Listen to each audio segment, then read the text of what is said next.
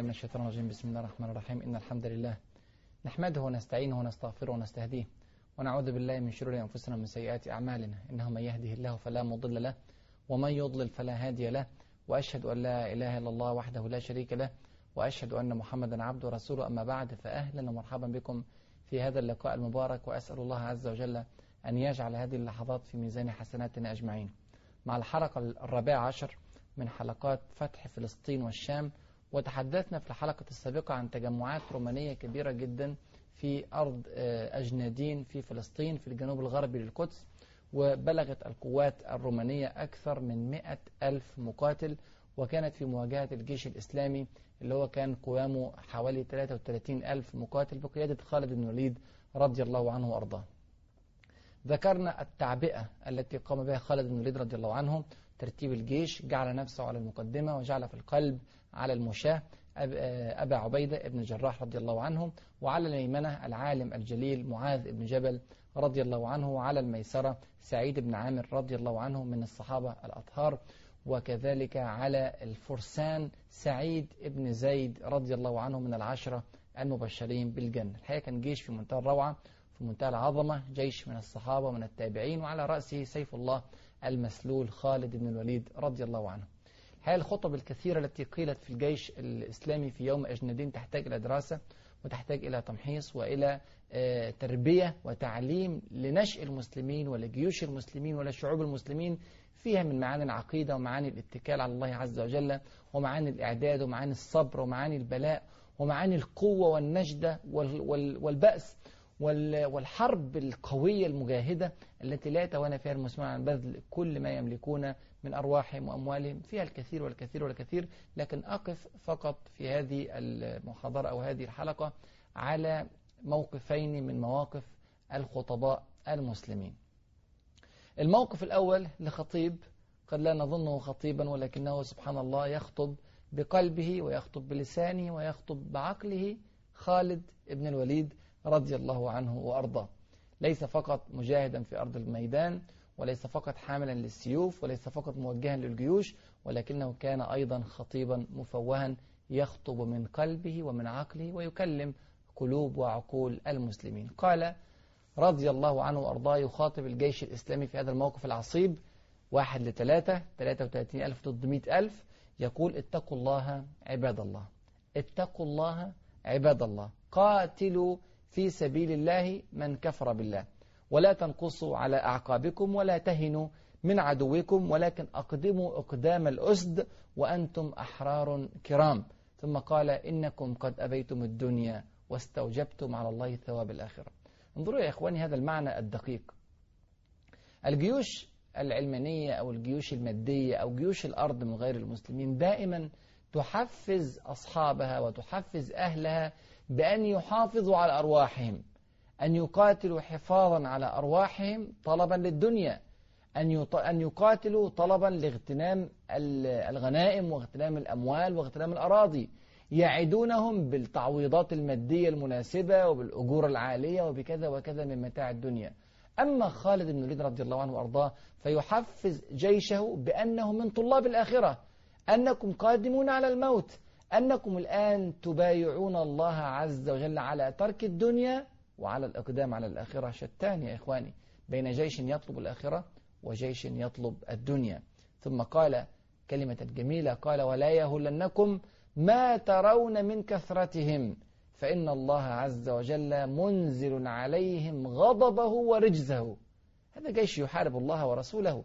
هذا جيش يحارب المؤمنين. لا تخشوا هذا الجيش ولا تخشوا أعداده ولا تخشوا عدته. إن هذا الجيش سينزل ربنا سبحانه وتعالى عليه غضبه ورجزه. ثم قال كلمة رائعة عميقة. ذكرناها قبل ذلك والآن هو التطبيق الواقعي لهذه الكلمة. قال أيها الناس إن رأيتموني حملت فاحملوا خالد بن الوليد رضي الله عنه وأرضاه. القائد الأعلى لجيوش المسلمين في أرض الشام هو الذي سيبدأ بنفسه القتال في سبيل الله. إذا رأيتموني حملت فاحملوا. أول ضربة من الجيش الإسلامي ستكون على يد خالد بن الوليد سيف الله المسلول. أسأل الله عز وجل أن يرزقنا مثله وأمثاله حتى نستطيع أن نعيد العزة لبلاد المسلمين. معاذ بن جبل الوقفة الثانية واللقطة الثانية من الخطباء. إحنا قلنا نقف مع وقفتين وقفة من خالد بن الوليد وقفة الثانية من معاذ بن جبل إمام العلماء. الرجل الذي قال عنه صلى الله عليه وسلم أعلم أمتي بالحلال والحرام. هذا الرجل يترك الآن المساجد ودور العبادة وينتقل إلى أرض الجهاد. وهو شاب صغير في ذلك الوقت كان يبلغ من العمر تقريبا حوالي 31 سنة أو 32 سنة.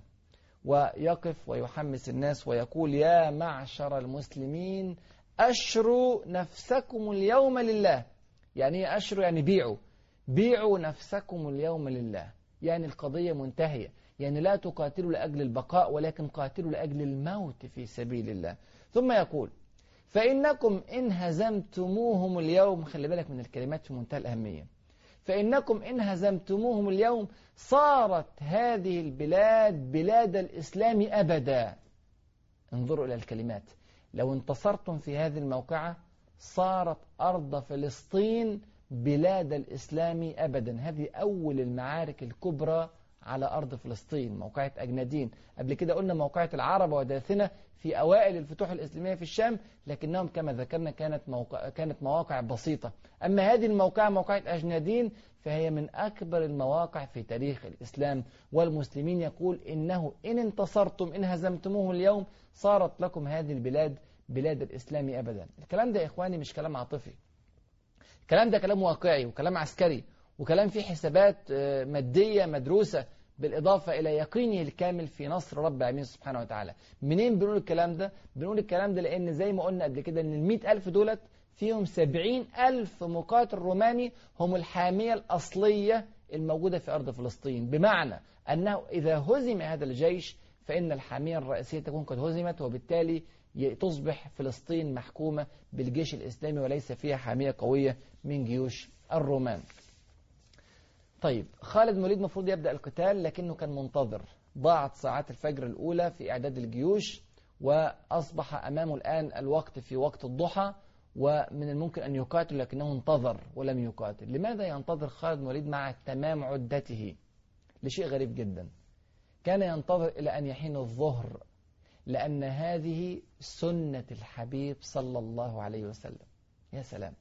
النعمان بن مقرن رضي الله عنه من كرام الصحابة ينقل عن رسولنا صلى الله عليه وسلم أن الرسول صلى الله عليه وسلم كان إذا لم يقاتل في ساعات اليوم الأولى قاتل بعد صلاة الظهر وقال إن هذا هو الوقت الذي تهب فيه الريح وينزل فيه النصر.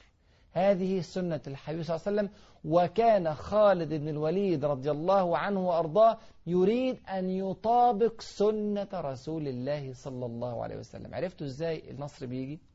النصر مش بيجي عشان خطة أعدت فقط ولا عشان ترتيب أعد فقط وإن كان هذا من أهم عوامل النصر ولكن هذا الرجل يريد اتباع السنة في كل صغيرة وكبيرة في حياته حتى في ميدان المعركة. ممكن حد يقول والله ده كان خاص بالجزيرة العربية. يعني الرسول صلى الله عليه وسلم كان يؤجل النصر يؤجل القتال إلى بعد صلاة الظهر لكي يأخذ الوقت المناسب من رطوبة الجو ومن ذهاب الحرارة. لكن خالد مريد ملوش دعوة بالكلام ده. هو ليه دعوة باتباع السنة النبوية؟ والرسول صلى الله عليه وسلم كان بيقول إن في هذا الوقت ينزل النصر تهب نسائم النصر. فلأنتظر حتى الظهيرة إلى أن يأتي الوقت الذي كان يحبه رسول الله صلى الله عليه وسلم. الرومان ما انتظروش. الرومان هجموا على الميمنة. ولم يصدر خالد مريد أمره بالقتال. فصبرت الميمنة على قتال الرومان وعلى قيادتها معاذ بن جبل رضي الله عنه وأرضاه. وصدوا الهجمة الرومانية. فهاجم الرومان على ميسرة المسلمين بقيادة سعيد بن عامر رضي الله عنه وأرضاه. وصبر المسلمون على قتال الهجوم الروماني أو على هجوم الميمنة الرومانية على ميسرة المسلمين. وبدأ الرومان يلقون الرماح على الجيش المسلم هنا اضطر خالد بن الوليد رضي الله عنه وأرضاه اضطرارا أن يقاتل قبل أن يأتي الظهر فأمر المسلمين بالقتال بعد أن صبروا طويلا على ضربات الرومان فيقول المؤرخون الذين عاصروا هذه الموقعة فما صبر الرومان للمسلمين فواقا ما هو الفواق؟ الفواق هو الوقت الذي يمر بين حلبتين للناقة. ممكن تحلب الناقة في الصباح تحلبها في الظهيرة أو في بعض التفسيرات هو الوقت الذي بين أن تضع يدك على الضرع لتحلب الناقة وبين أن تبسط يدك من على الضرع. يعني وقت قليل جدا. هذا مثل يضربه العرب للسرعة. يعني ما صبر الرومان للمسلمين لحظات قليلة. سبحان الله ارتطم المسلمون ارتطاما كبيرا شديدا بالرومان. أعداد قليلة من المسلمين في مواجهة أعداد كبيرة جدا من الرومان لكن هذه الأعداد كلها ما كانت تساوي شيئا. ما صبر ما صبر الرومان للمسلمين فواقة كما يقول المؤرخون وانطلق المسلمون يقتلون في الرومان وانطلق الرومان لا هم لهم إلا الهروب من أرض القتال وفي لحظات القتال الأولى قتل وردان قائد الرومان وبذلك انهارت عزائم الرومان وصاروا في كل مكان اتجهوا إلى قدس واتجهوا إلى دمشق واتجهوا إلى حمص ومنهم من وصل في فراره إلى أنطاكية يا إخواني ويا أخواتي قتل الرومان في موقعة أجنادين كانوا ثلاثة آلاف مقاتل. أما شهداء المسلمين في موقعة أجنادين فكانوا 14 شهيد فقط. شوفوا قد إيه الفرق الرهيب بين قتل المسلمين أو شهداء المسلمين وبين قتل الرومان. هذا انتصار قوي جدا من انتصارات المسلمين وهرب الرومان في كل مكان. ومن شهداء المسلمين في هذه الموقعة كان أبان ابن سعيد ابن العاص رضي الله عنه وأرضاه الذي تزوج قبل هذه الموقعة بليلة واحدة ولكنه التقى مع حوره العين كما وعد ربنا سبحانه وتعالى بعد هذه المعركة. ترى ماذا حدث بعد أجنادين؟ هذا ما نعرفه بعد الفاصل. فابقوا معنا.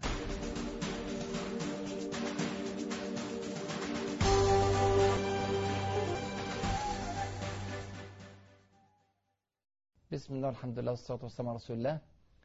قبل الفاصل اتكلمنا على موقعة أجنادين وعلى أن الموقعة مشت بشكل غريب جدا بسرعة عجيبة جدا. انتقل المسلمون من الدفاع إلى الهجوم مباشرة وفي هذه اللحظات القليلة قتل من الرومان ثلاثة آلاف وفر بقية الرومان في كل حد وصوب. منهم من بلغ في فراره إلى حمص وإلى أنطاكية على بعد عدة مئات من الكيلومترات من أرض أجندين. وهذا نصر الله عز وجل الذي نصر به أحبابه وجنوده وصحابة الحبيب صلى الله عليه وسلم في هذه الموقعة الخالدة موقعة أجندين. أولى المواقع الفاصلة الكبرى على أرض فلسطين المباركة. نسأل الله عز وجل أن يحرر أرض فلسطين بكاملها. بعد هذه الموقعة أو يعني من شهداء هذه الموقعة كما ذكرنا أبان ابن سعيد رضي الله عنه وأرضاه ومنهم كذلك هشام ابن العاص أخو عمرو بن العاص ومنهم اثنين من أولاد عم خالد بن الوليد رضي الله عنه. وهذا كله يدل يا إخواني وأخواتي على أن القادة المسلمين وأقارب القادة المسلمين ما كانوا ينأون بأنفسهم أبدا عن الخطر بل كانوا دائما في المقدمة وكانوا دائما من المجاهدين وكانوا دائما من شهداء المسلمين. وعلى فكرة أبان بن سعيد هو أخو خالد بن سعيد أول المتطوعين للجهاد في حرب الشام. وطبعا دي دلالة برضو على إقدام عائلة خالد بن سعيد بكاملها على القتال في سبيل الله. بعد هذا النصر العظيم أرسل خالد بن الوليد رسالة يبشر فيها الصديق رضي الله عنه وأرضاه بالنصر المبين على المشركين وقال له في هذه الرسالة كلاما جميلا جدا قال له لعبد الله أبي بكر خليفة رسول الله صلى الله عليه وسلم من خالد بن الوليد سيف الله المصبوب على المشركين.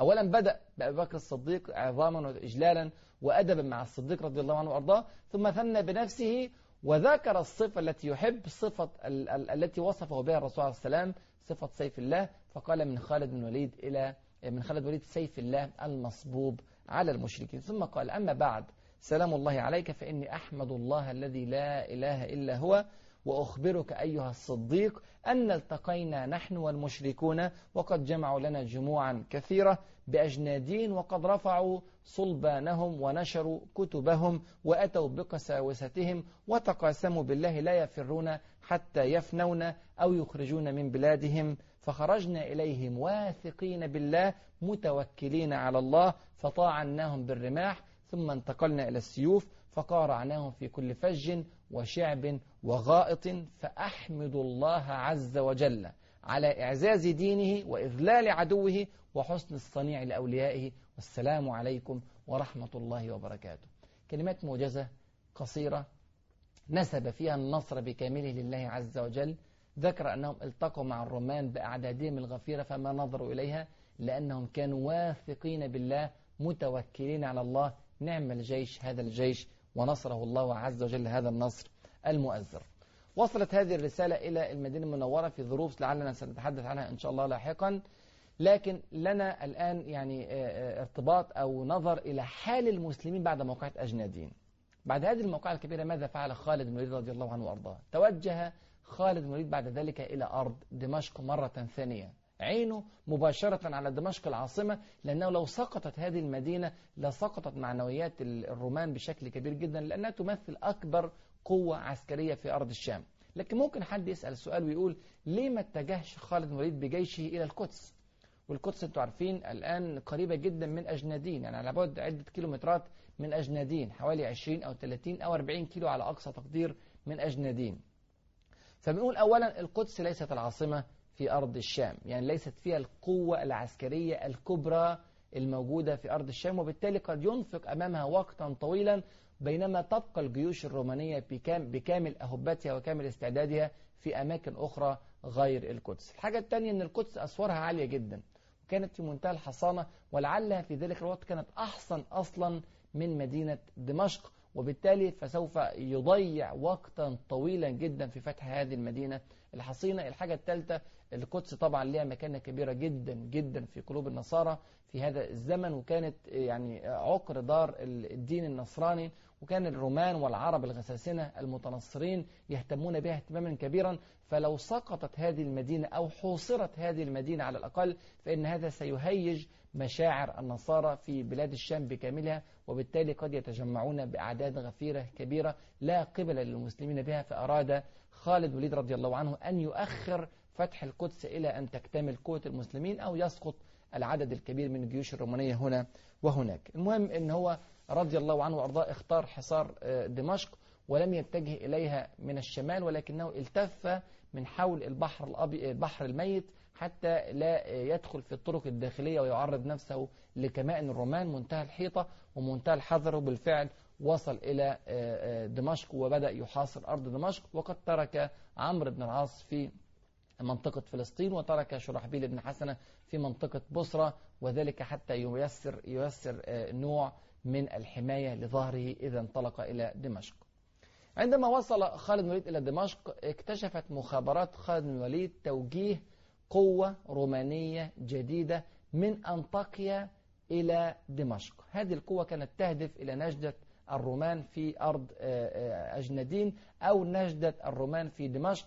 اكتشفت مخابرات خالد الوليد هذه القوة وهي في بعلبك وأخرج لها خالد الوليد جيشا والتقت هذه القوة مع خالد بن الوليد في موقعة مرج الصفر الثانية.